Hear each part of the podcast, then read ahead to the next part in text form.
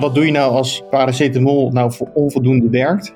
Want dat is denk ik de belangrijkste vraag. Want vaak dan heb je een patiënt en die heeft misschien nog veel pijn. Nou, ik noem maar wat naar een kiesextractie. En paracetamol hebben ze al geprobeerd, maar wat moet je dan? Je luistert naar NTVT Dentalk, de podcast van het Nederlands tijdschrift voor tandheelkunde. We gaan hier in gesprek met belangrijke experts, interessante onderzoekers en boeiende ervaringsdeskundigen. En misschien wel met jou. De presentatie is in handen van tandarts-epidemioloog en hoofdredacteur van het NTVT Casper Bots. In 2018 werden in Nederland bijna 1 miljoen geneesmiddelen voorgeschreven door tandartsen en tandenspecialisten. De meest voorgeschreven geneesmiddelen waren antibiotica, analgetica en spoelvloeistoffen zoals chlorhexidine en fluoride. Zo'n 80% van de mondzorgverleners en studenten heeft onvoldoende kennis over het effectief en veilig voorschrijven van geneesmiddelen. Dit gebrek aan kennis kan leiden tot vermijdbare medicatiefouten met potentiële schade voor patiënten, zoals ernstige bijwerkingen of onnodige ziekenhuisopnames. De oorzaak hiervan is mogelijk het gevolg van onvoldoende klinische farmacologie en farmacotherapieonderwijs tijdens de studie tandheelkunde en daarna. Daarom nu de hoogste tijd om in deze Dental podcast van het NTVT in gesprek te gaan met arts, klinisch farmacoloog en anesthesist in opleiding, Dr. David Brinkman. Professor Fred Roosema, hoogleraar orale geneeskunde en voorzitter van de Vereniging Medisch Tandheelkundige Interacties. En tot slot NTVT-redactielid Dr. Henk Brandt, bioloog en universitair hoofddocent op het ACTA. Allemaal zitten we op veilige en virtuele afstand van elkaar. David, om met jou te beginnen. Uh, in 2018 promoveerde hij op het onderwerp het veilig voorschrijven van geneesmiddelen door beginnende artsen in Europa. En in maart van dit jaar beschreef je in het NTVT samen met de co-auteurs, waaronder Fred Roosema, de uitkomsten van je onderzoek naar het voorschrijfgedrag van geneesmiddelen onder mondzorgverleners en studenten. Uh, David, wat is je hoofdconclusie van dit onderzoek, wat jou betreft? De hoofdconclusie is eigenlijk dat uh, zowel tandheelkundestudenten in hun laatste jaar, dus die bijna klaar zijn als tandartsen en tandartsspecialisten, daar vallen orthodontisten onder en kaakchirurgen, dat die eigenlijk onvoldoende kennis hebben over uh, geneesmiddelen die zij vaak of wel regelmatig wel eens voorschrijven. Dus dan kan je denken aan pijnstillers of antibiotica. En dat is wel eigenlijk de hoofdconclusie van het onderzoek. En schrok je eigenlijk van die uitkomsten toen je dat uh, zag? Nou, eerlijk gezegd had het wel een beetje verwacht, omdat we dit, dit soortgelijk onderzoek ook bij geneeskundestudenten en eh, artsen hebben gedaan in meerdere Europese landen. En toen zagen we eigenlijk hetzelfde.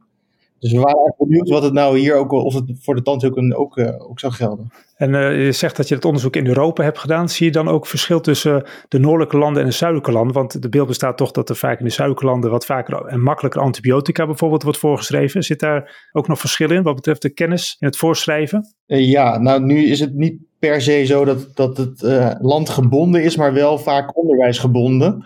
Dus je zag dat landen waarin nog heel traditioneel onderwijs wordt gegeven, dus ja, vooral uh, leerboeken en colleges, dat die slechter voorschreven dan uh, landen waarin wat meer interactief uh, onderwijs wordt gegeven met ook casuïstiek en simulatiepatiënten. En dan zie je wel dat in de zuidelijke landen en oostelijke landen wat meer traditioneel onderwijs wordt gegeven. En in de ja, noorden en westelijke landen dat het wat meer ja, probleemgeoriënteerd onderwijs noemen we dat dan. Ja, dus de kwaliteit van het voorschrijven hangt dus sterk af van het type onderwijs. Maar dan ben ik toch wel heel benieuwd, uh, Fred. Uh, je bent uh, van orale geneeskunde en ook mede verantwoordelijk voor het onderwijs op ACTA in ieder geval. hoe wordt het eigenlijk vormgegeven dan op ACTA en in Nederland binnen de tandheelkundige universiteiten? Nou, van de twee zusterfaculteiten weet ik het eigenlijk niet zo goed. Maar bij ACTA hebben we inderdaad, wat David zegt, onderwijs is belangrijk voor hoe het beklijft. En daar hebben we wel uh, echt veranderingen in gebracht. Dus dat betekent dat farmacologieonderwijs, uh, dat wordt verzorgd door de geneeskundefaculteit docenten, die hebben zich daarop aangepast. En die hebben ook echt uh, naar de farmacologie gekeken van wat betekent dat voor de tandarts en voor de tandheelkundige studenten. En daar worden ook inderdaad casus besproken. En een deel van tentaminering is ook dat ze bijvoorbeeld proefrecepten moeten schrijven voor een casus die voorhangt, zeg maar. Dus ik denk dat er de laatste tijd toch echt wel uh, veranderingen in zijn gebracht die meer kans geven dat uh, David zijn slechte resultaten in zijn onderzoek, om het zo maar te zeggen, dat die, uh, dat die veranderen voor de Nederlandse situatie. Oké, dus dat is eigenlijk goed nieuws. Het heeft al geleid, of er zijn al veranderingen doorgevoerd wat dat betreft. Dit onderzoek is uit 2017. we zitten op de drempel naar 2021. Dus het kan best zijn als het onderzoek over één of twee jaar wordt herhaald dat de uitkomsten beter zijn. Maar zou dat dan ook gelden voor tandartsen en andere mondzorgverleners, denk je David? Dat hoop ik wel. En zeker ook met niet alleen het onderwijs dat verandert, maar ook de digitalisering binnen de tandartsen. Dus dat er steeds meer niet op papier wordt voorgeschreven, maar uh, met elektronische voorschrijfsystemen, die ook weer gekoppeld zijn aan de apotheek. En die ook bijvoorbeeld, uh, nou ja, waar medicatiebewaking wordt gehanteerd bijvoorbeeld. Uh, dat zijn ook denk ik hele belangrijke ontwikkelingen. Dus los van het onderwijs, maar er zijn zeker nog een aantal andere dingen. Ja, dat is wel een mooi bruggetje, uh, denk ik ook, Henk, om even naar uh, onze NTVT-peiling te gaan kijken. Want daar is ook onderzoek gedaan naar het voorschrijven en het gebruik van medicatiebewakingssystemen en dergelijke. Um, Henk en, David hebben dat, en met Fred erbij, hebben die peiling uitgezet, hebben mensen op gereageerd. Daar gaan we in de eh, in de webinar ook nog verder eh, over spreken. Maar Henk, wat, vond jij nou het meest opvallende van die eh, uitkomsten die overigens vers van de pers zijn? We hebben het net vanmiddag binnengekregen. wat, zijn de, wat, wat, wat springt er het meeste uit, Henk, wat jou betreft? Er zijn eigenlijk twee dingen die me enorm opvielen. De eerste sluit direct aan bij wat David net zegt, is dat 70% van de respondenten zegt dat ze een tandheelkundig softwareprogramma gebruiken om het recept voor te schrijven. Nou, dat is goed nieuws, zou je zeggen, toch? Ja, dat is goed nieuws. Maar vervolgens zegt 90% dat ze geen medicatiecontroleprogramma uh, gebruiken. En dat denk ik, ja, dat zou toch heel makkelijk dan kunnen als je toch al zo erg geautomatiseerd bent om een systeem dat, dat controleert of wat je voorschrijft of daar mogelijke ja, interactie met andere geneesmiddelen zou kunnen plaatsvinden. Dat is dus blijkbaar nog niet helemaal uh, op elkaar afgestemd. Misschien dat, dat, dat uh, Fred iets kan zeggen over uh, wat daar uh, aan ontwikkelingen zijn. want daar is volgens mij nog wel winst te behalen. Ja, zeker. Nou, laten we het zo zeggen. De mondzorgkolom loopt een beetje achter in dat hele medicatieverhaal. Het voorschrijven, de digitalisering daarvan. kijk, er is een richtlijn van de KNMG. Dat voor alle artsen en ziekenhuizen, dat je als je een recept voorschrijft, dat je dat digitaal doet dat je een recept genereert uh, volgens een systeem die ook uh, zijn gegevens ontleent aan de Nederlandse database over goedgekeurde medicijnen. En dat ze ook een uh, softwaremodule hebben die dan direct kijkt of er ook interacties zijn met geneesmiddelen die de patiënt al gebruikt.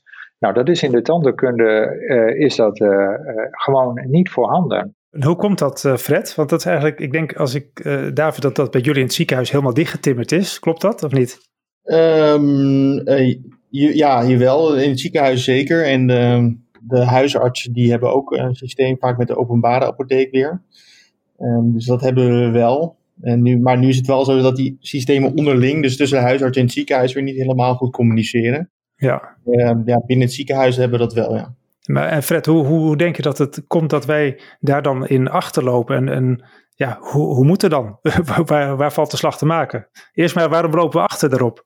Ja, nou ten eerste, alle tandheelkundige informatiesystemen die leveren nog niet. En die bezweren dat er uh, aanvankelijk uh, geen vraag naar was. En dat het alleen maar geld kost om te ontwikkelen.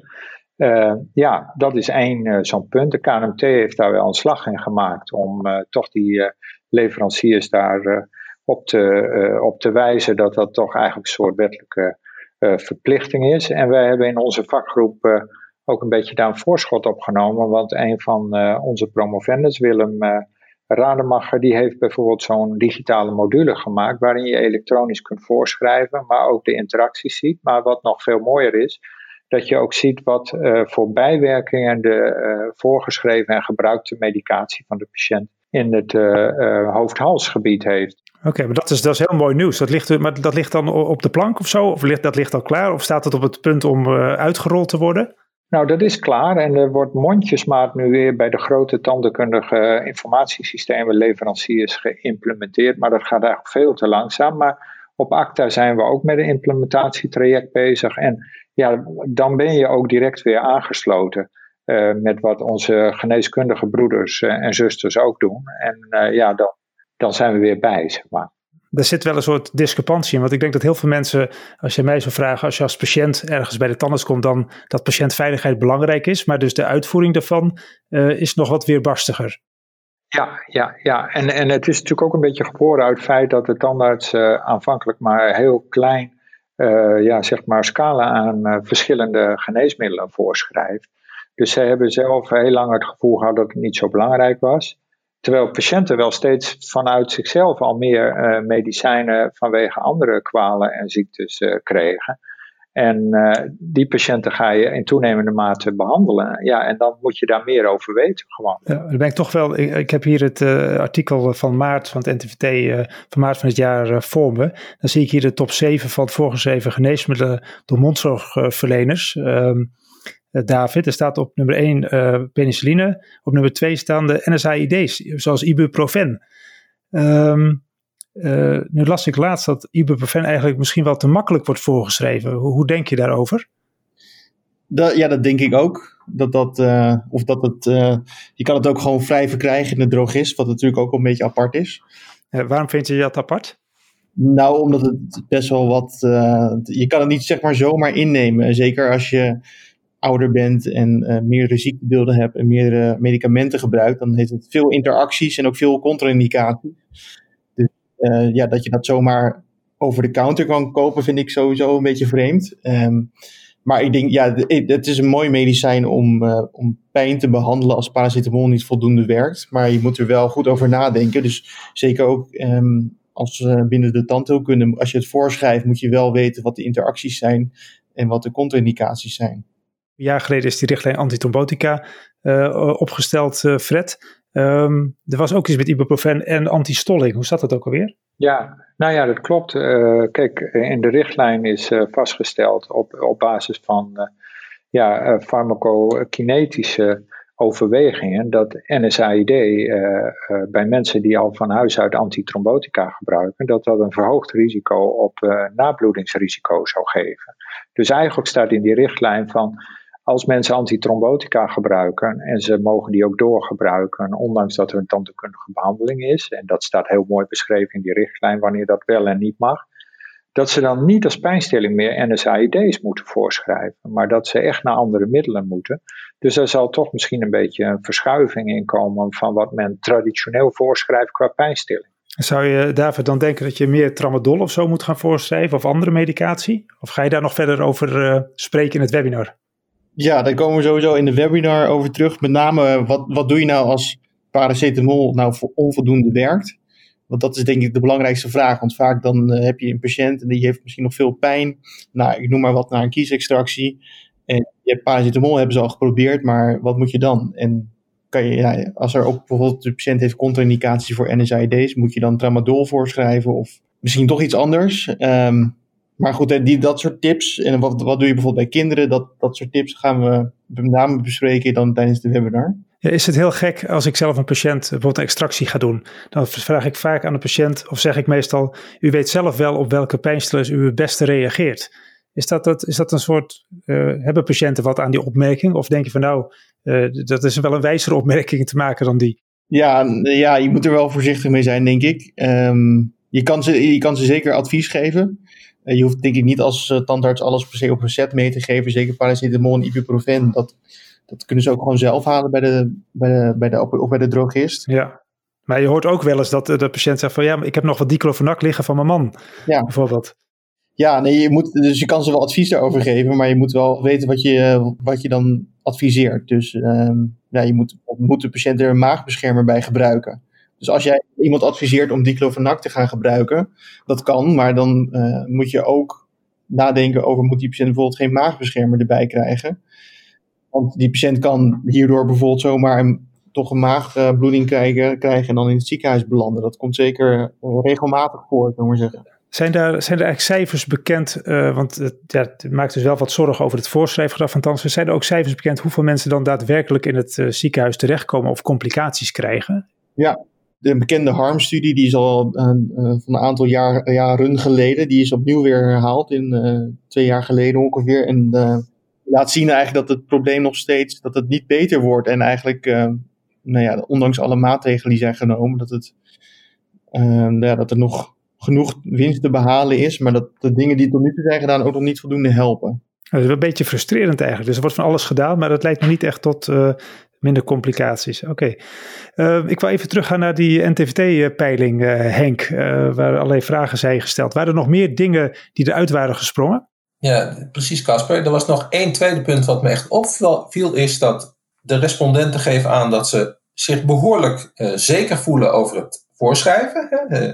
En aan de andere kant geven ze enorme behoefte aan bij- en nascholing. En dat voelt op mij toch een beetje van eh, tegenstrijdig. En, en uh, dus mijn vraag een beetje aan David ook is van, uh, ja, kun je dat verklaren? heb je ook dan ideeën wat we dan zouden voor strategie het best kunnen doen om te zorgen dat de zittende tandarts, hè, dus niet de student op de tandheelkundeopleidingen, maar de, de tandarts in het veld kunnen bereiken, om dan toch die, die bij- en nascholing in te vullen? Heb je daar ideeën over? Um, nou, ik denk dat de, deze webinar een mooie eerste stap is. We zaten ook zelf nog na te denken over om een, een e-learning te ontwikkelen over voorschrijven van medicatie. Dus wat moet je nou als standaard weten van medicatie? En ik denk dat je echt van een paar dingen echt iets af moet weten. En dat is onder andere pijnstillers, maar ook antibiotica. Um, en misschien inderdaad ook bijvoorbeeld wat, uh, wat Fred eerder zei over de bijwerkingen van orale medicatie in de mond dan dat, is denk ik, dat zijn wel drie belangrijke groepen waar je iets over moet weten. Maar um, daar met webinars um, en onder andere e-learning hopen we hier iets aan, aan te gaan doen. Ik vind het eigenlijk wel opmerkelijk, um, uh, Fred, dat je voor radiologie bijvoorbeeld, uh, dat er allemaal eisen zijn wat je aan bij- en nascholing moet doen. En op het gebied van patiëntveiligheid uh, eigenlijk bij mijn weten niet. Of blijkt iets te zijn wat ik nog niet wist? Nou ja, kijk, je kunt, ja, kijk, bij, bij, bij de radiologie, dan gaat het natuurlijk ook over uh, stralingshygiëne. En dan gaat het ook meer om dat je niet onnodig uh, stralen uh, toepast. Kijk, bij. Maar de, nu, dit is dan misschien onnodig, dat je iemand onnodige medicatie geeft met ernstige gevolgen. Dat is correct, maar dat is, uh, dat is dus ook veel moeilijker te onderzoeken. Want dan moet je eigenlijk iedere casus tegen het licht houden en bekijken of hij terecht een recept heeft gekregen en of de dosering en het middel wel terecht waren. Terwijl je uh, zeg maar uh, apparaatbeheer enzovoort en de kennis daarover toch iets makkelijker te toetsen is. Maar ja, het valt allemaal wel een beetje onder het algemene ding. Ook als je een restauratie maakt van uh, was dat een uh, restauratie die bekwaam is gemaakt of niet. En uh, dat is toch ook een beetje, ja, je hebt een nascholingsplicht en daar houdt het dan een beetje bij op. En we, we hebben natuurlijk bouwen steeds meer middelen in dat je elkaar zeg maar helpt en controleert en elkaar ook op de vingers kijkt. Maar daar zit toch wel een soort limiet aan. Ja, precies. Dus het is een soort, soort vrijheid in gebondenheid, zou je kunnen zeggen. Ja. Ik, uh, Henk, nog even terug naar die uitkomsten van die uh, NTFT-peiling. ik vond eigenlijk ook wel opvallend dat, de vraag over, de volgende vraag, heb je met apothekers in je regio afspraken gemaakt over de uitwisseling van medicatiegegevens van patiënten? ik heb hier bij mijn data voor belegd dat er binnen 80% procent geen afspraak heeft met de apothekers over medicatiegegevensuitwisseling. Verbaast je dat of niet? Nou, dat verbaast mij persoonlijk eigenlijk niet. Uh, maar de, de, de vraag is meer van uh, waarom tandartsen niet, als ze zich toch blijkbaar af en toe vragen hebben, niet vaker die, tandartsen, die apotheken raadplegen. En ik ben ook wel een beetje, er is in het verleden ook wel eens geopperd, uh, volgens mij ook door Denise van Diemen uit de, de vakgroep van Fred, dat er bijvoorbeeld periodiek regionaal overleg zou plaats moeten vinden tussen huisartsen, apothekers, waarbij ook tandartsen zouden kunnen aansluiten. Dus dat je uh, ja, op die manier gewoon uh, betere contacten hebt en beter weet wat er bij elkaar leeft.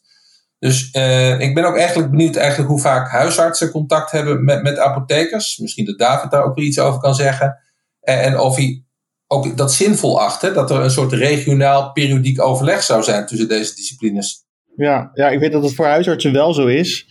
Er zijn ook allerlei uh, uh, volgens mij deels ook verplichte bijeenkomsten, maar die zijn tussen openbare apothekers en huisartsen zijn er zeker uh, periodieke bijeenkomsten. Waarin uh, nou ja, soms nieuwe richtlijnen worden besproken of ook nog wel eens polyfarmaciepatiënten bijvoorbeeld. Um, dus dat, dat is er tussen die groepen wel, weet ik. Fred, sorry, jij, die, jij houdt je natuurlijk vanuit de VMTI daar ook mee bezig. weet, weet jij hoe dat komt? Dat er, dat er geen contact tussen de tandartsen en de apothekers, of zo minimaal? Nou ja, kijk, de, dat uh, overleg wat uh, David net uh, bespreekt, dat bestaat. En heel mondjesmaat zijn er ook plaatsen waar de tandarts aansluit. En ik weet dat daar vanuit de beroepskolom daar ook wel initiatieven zijn van jongens, sluit je daarbij aan, want het, je kunt daar allerlei problemen bespreken. Niet alleen over medicatie, maar ook over algemene ziekten waar de patiënt aan leidt. Maar ik moet zeggen, dat is, is best nog wel een uitdaging om daar tandartsen voor te vinden die in zo'n regionaal overleg of in zo'n stedelijk overleg meedoen. En uh, gewoon één op één contact met de apothekers is er nauwelijks. Tenzij de apotheker vindt dat de, bijvoorbeeld de tandarts iets heel raars voorgeschreven heeft, dan wordt er gebeld. Dat is ook de verplichting. Ja. Uh, maar je moet je voorstellen dat uh, heel veel tandartsen misschien nu dat receptje digitaal voorschrijven. Maar wat dat betekent is vaak dat een aantal voorkeursrecepten in een programma zitten. Die dus niet gegenereerd worden, maar die eigenlijk uh, zeg maar een, een printuitdraai zijn en die dan aan de patiënt meegegeven worden. En, en dat, dat is het een beetje. Daar wordt niet uh, elke keer heel erg over nagedacht of er een nieuw recept en hoe dat dan opgesteld moet worden. Dat zijn eigenlijk een paar favorieten die dan één of meerdere van aangeklikt worden. Ja, waar, waar, zit dan de, de, de oorzaak? Want wat mij persoonlijk wel soms frustreert als werk als, als standaard, dat je uh, soms zo lastig de gewoon het medicatiegebruik van de patiënt kan krijgen. Terwijl het toch zo mooi zou zijn als je gewoon dat digitaal zo één op één vanuit de apotheek gewoon in je kaart zou, uh, je patiëntenkaart zou krijgen. Waar, ja. waar zitten daar de bottlenecks? Was het, voor mij was het een aantal jaar geleden was het bijna zover, maar op het laatste moment toch niet. Nou ja, kijk, dat is weer precies hetzelfde probleem als uh, wat we net beschreven hebben over die, hoe heet dat, medicatiebewakingsmodules en het elektronisch voorschrijven, maar dan echt vanuit de Nederlandse database. Dat zit niet in die uh, pakketten, uh, die tandheelkundige informatiesystemen. En daar, en, en daar zit dus al helemaal niet in een aansluiting op een regionaal apothekersnet of op het landelijk schakelpunt waarmee medische gegevens uitgewisseld worden. Ja, en nou, wat zou er dan nodig zijn om dat, dat wel uh, vlot te trekken? Dat is gelukkig uh, ook vanuit onze beroepskolom gelukkig. De KNMT neemt daar zijn verantwoordelijkheid. Die uh, heeft nu een uh, projectgroep opgesteld waar ook een extern consultancybedrijf is. Om juist dit van de grond te krijgen. Dat wij aansluiten bij de apothekers. En dat je niet alleen maar meer een papieren uitdraai van de, de recente medicijnenlijst van de patiënt krijgt. Die je vervolgens gaat inscannen en zo. Maar dat je toch echt die, die één op één digitale connectie met met eh, tenminste plaatselijke apothekers krijgt. Ja, ik kan me ook voorstellen dat het ook te maken heeft met het uh, gevoel van verantwoordelijkheid. Dat als je iets voorschrijft, dat je denkt van oh, die patiënt gaat toch naar de apotheek, dus die verantwoordelijkheid ligt dan wel bij de apotheek en bij de patiënten. Die vervalt dan eigenlijk voor mij als voorschrijver. Maar ik denk dat het anders ligt, uh, David, of niet? Ja, nee, ik, als je iets voorschrijft aan iemand, dan moet je in ieder geval op de hoogte zijn van welke medicatie die die gebruikt. En um, ja, het zou mooi zijn als inderdaad de, in de toekomst de de systemen van de tandarts ook kunnen communiceren met dat landelijk schakelpunt. En dat dat nou ja, automatisch die, uh, die gegevens dan ook bij de tandarts terechtkomen. Ja, dat zou heel veel problemen voorkomen. Even kijken, nog, nog één keer terug Henk, naar die, uh, die uh, peiling die gedaan is. Waren er nog meer dingen die op waren gevallen? nee. Heb jij nog iets gezien? Ja, ik zit, ik zit even te kijken naar uh, wat ik opvallend, wat ik positief nieuws vond. Wat we niet alleen maar klaarzangen, hebben we natuurlijk ook hoop bieden. dat is dat, uh, als ik dat bij elkaar optel, uh, nou nee, dat is 100% Uh, ja, 88 en 12, dat is 100% van de mensen die meededen, voornamelijk tandartsen, registreert bij de nieuwe patiënten de, het medicatiegebruik. Nou, dat vind ik toch wel mooi nieuws, of niet? Absoluut, en, en ik vind ook persoonlijk dat ze dat gewoon horen te doen. Wat me trouwens wel opviel, Casper, is dat de meerderheid van de mensen die deelnemen aan de enquête vrouwen zijn. En ja, het is toch nog steeds zo dat die nog een lichte minderheid vormen in de beroepsgroep. Dus ik vraag me af of dat betekent dat het onderwerp uh, onder vrouwen misschien toch iets meer leeft. Uh, zou dat kunnen? Ja, weet jij dat misschien, David? Jij bent de expert op dit gebied. goeie vraag. Nee, ja, um Nee, ik durf, het, ik durf niet te zeggen waarom dat, uh, waarom dat zo is. Ja, dat zijn. Uh, nee, weet ik niet eigenlijk. Niet iets wat we terug hebben gezien in andere uh, studies. Nee. Dan gaan we er nog even goed uh, over nadenken met elkaar, denk ik. Het suggereert dat vrouwen meer aan nascholing doen, maar ik weet niet of je dat op basis van deze enquête kunt zeggen, zeg maar. We houden het in de gaten. Misschien moet je zeggen dat vrouwen eerder bereid zijn om te erkennen dat ze behoefte hebben aan bij- en nascholing. En eerder ook durven uiten dat ze iets misschien nog niet helemaal weten. Hè? Misschien is dat het ook wel. Dat je dat linieweg zou kunnen verklaren. Is leuk om daar nog een keer over verder uh, te discussiëren. Ik was, eigenlijk wel benieuwd, zo uh, een beetje richting het eind van. Um, we hebben het al een beetje gehad over de toekomst van het voorschrijven. David, jij noemde net van dat die systemen aan elkaar gekoppeld zouden kunnen worden, dat uh, hoop zou bieden. Zijn er nog andere dingen die we gelijk eigenlijk, als we nu die podcast, voor degene die hebben geluisterd, die het nu hebben gehoord, wat ze morgen anders zouden kunnen doen in de praktijk? Heb je nog gewoon tips voor de mondzorgverleners in Nederland? Ja, uh, nou wat ze, ja, wat ze in ieder geval anders kijken, alle die digitalisering, dat is een meer langer termijn. Um, maar ik zou, um, als ik een tip mag geven, in ieder geval uh, kijk eens naar wat je, wanneer je bijvoorbeeld ibuprofen, wanneer je dat niet mag voorschrijven, of het liever niet wil voorschrijven. Want ik denk dat heel veel mensen niet op de hoogte zijn daarvan. Dus dat kan je heel, heel eenvoudig gewoon even in het kompas opzoeken. Ja, kan je als een tipje van de sluier uh, oplichten? Dus je kan het niet voorschrijven bij uh, gebruik van een bepaalde antitrombotica? Ja, die hartfalen hebben bijvoorbeeld liever niet voorschrijven. Uh, mensen die inderdaad acetylsalicylzuur gebruiken en als je ibuprofen voorschrijft, dan werkt acetylsalicylzuur niet meer goed. dat is al iets wat we in de, in de webinar ook verder zullen toelichten. Um, nou, mensen met nierfalen bijvoorbeeld schrijf je ook liever geen NSAID's voor. En wat ik in ieder geval als tip wil geven, eerst zorg in ieder geval dat ze een goede basis van paracetamol opbouwen. Want je ziet ook vaak dat, dat er dan wordt gezegd, ja neem dan paracetamol, maar dan nemen ze één tabletje of twee tabletje als ze pijn hebben. Maar je moet echt een stabiele spiegel opbouwen. Dus eigenlijk vier keer per dag één gram innemen. Bij dan gezonde mensen heb ik het over. Dus in de acute fase vier keer per dag 1 gram op vaste tijdstippen. En op die manier een spiegel opbouwen. En als dat niet helpt, dan moet je gaan kijken wat moet ik daaraan toevoegen. Um, nou ja, en dan moet je dus gaan kijken, NSAID's, kan dat wel of niet? Uh, en wat voor andere opties zijn er nog meer? Maar daar zullen we dan in de, in de webinar nog verder over praten. Wat je, moet je nou wel of geen tramadol voorschrijven? Of misschien zelfs echt een sterk werkend opiaat? Ja. Um, maar dus dat is, dat is, echt pijnbegeleiding dan. Hè? Dat zou eigenlijk de dag daarna moeten opbellen van red je het met de paracetamol of heb je, is er nog iets anders nodig? Hoe trek je het een beetje? Ja. Ja. Ja, ja. Oké. Okay. Um, Fred, heb jij tot slot nog een, uh, een, een, boodschap op dit gebied van het voorschrijven? Of nog een wens of een hoop? Mijn wens is dat uh, de, de voorschrijver weet wat hij voorschrijft, maar ook vooral de patiënt heel goed instrueert. Vooral ook omdat patiënten heel vaak pijnstillers betrekken. En dat is ook veel goedkoper voor de hele samenleving en ook voor de patiënt dat hij het bij de drogist koopt. Maar dat je zelfs over die medicatie, want het zijn dezelfde als bij voorschrijven, dat je daar goed verhaal over vertelt. Hoe moet je het gebruiken? Uh, uh, wanneer werkt het? En wanneer twijfel je? En wanneer neem je er iets anders bij? Dus vooral die, en niet alleen maar dat receptje meegeven, maar geef of een brochure mee die je gemaakt hebt over uh, instructies of vertel het gewoon. Dat zou mijn wens zijn. Dus dat is eigenlijk gewoon een soort dus pijnbegeleiding van David en pijneducatie en medicatie, educatie voor de patiënt. Ja, zeker. Oké, okay. Henk, uh, tot slot. Uh, de peiling heeft uh, heel veel leuke resultaten gegeven. Um, wat wil jij nog kwijt over dit onderwerp? Nou, ik krijg de indruk dat tandartsen het een heel belangrijk onderwerp vinden. Dat ze ook echt openstaan voor bij- en nascholing op dit onderwerp. En dat biedt mij hoop dat inderdaad uh, verbeteringen hier uh, gemaakt kunnen worden. Mooi, dat is een mooi hoopvol uh, einde. En we zijn hiermee aan het einde gekomen ook van deze Dental podcast over het onderwerp veilig en effectief voorschrijven van geneesmiddelen in de mondzorg. Waar we in gesprek waren met David Brinkman, Fred Roosma en Henk Brandt. Bedankt voor het luisteren en graag tot de volgende keer.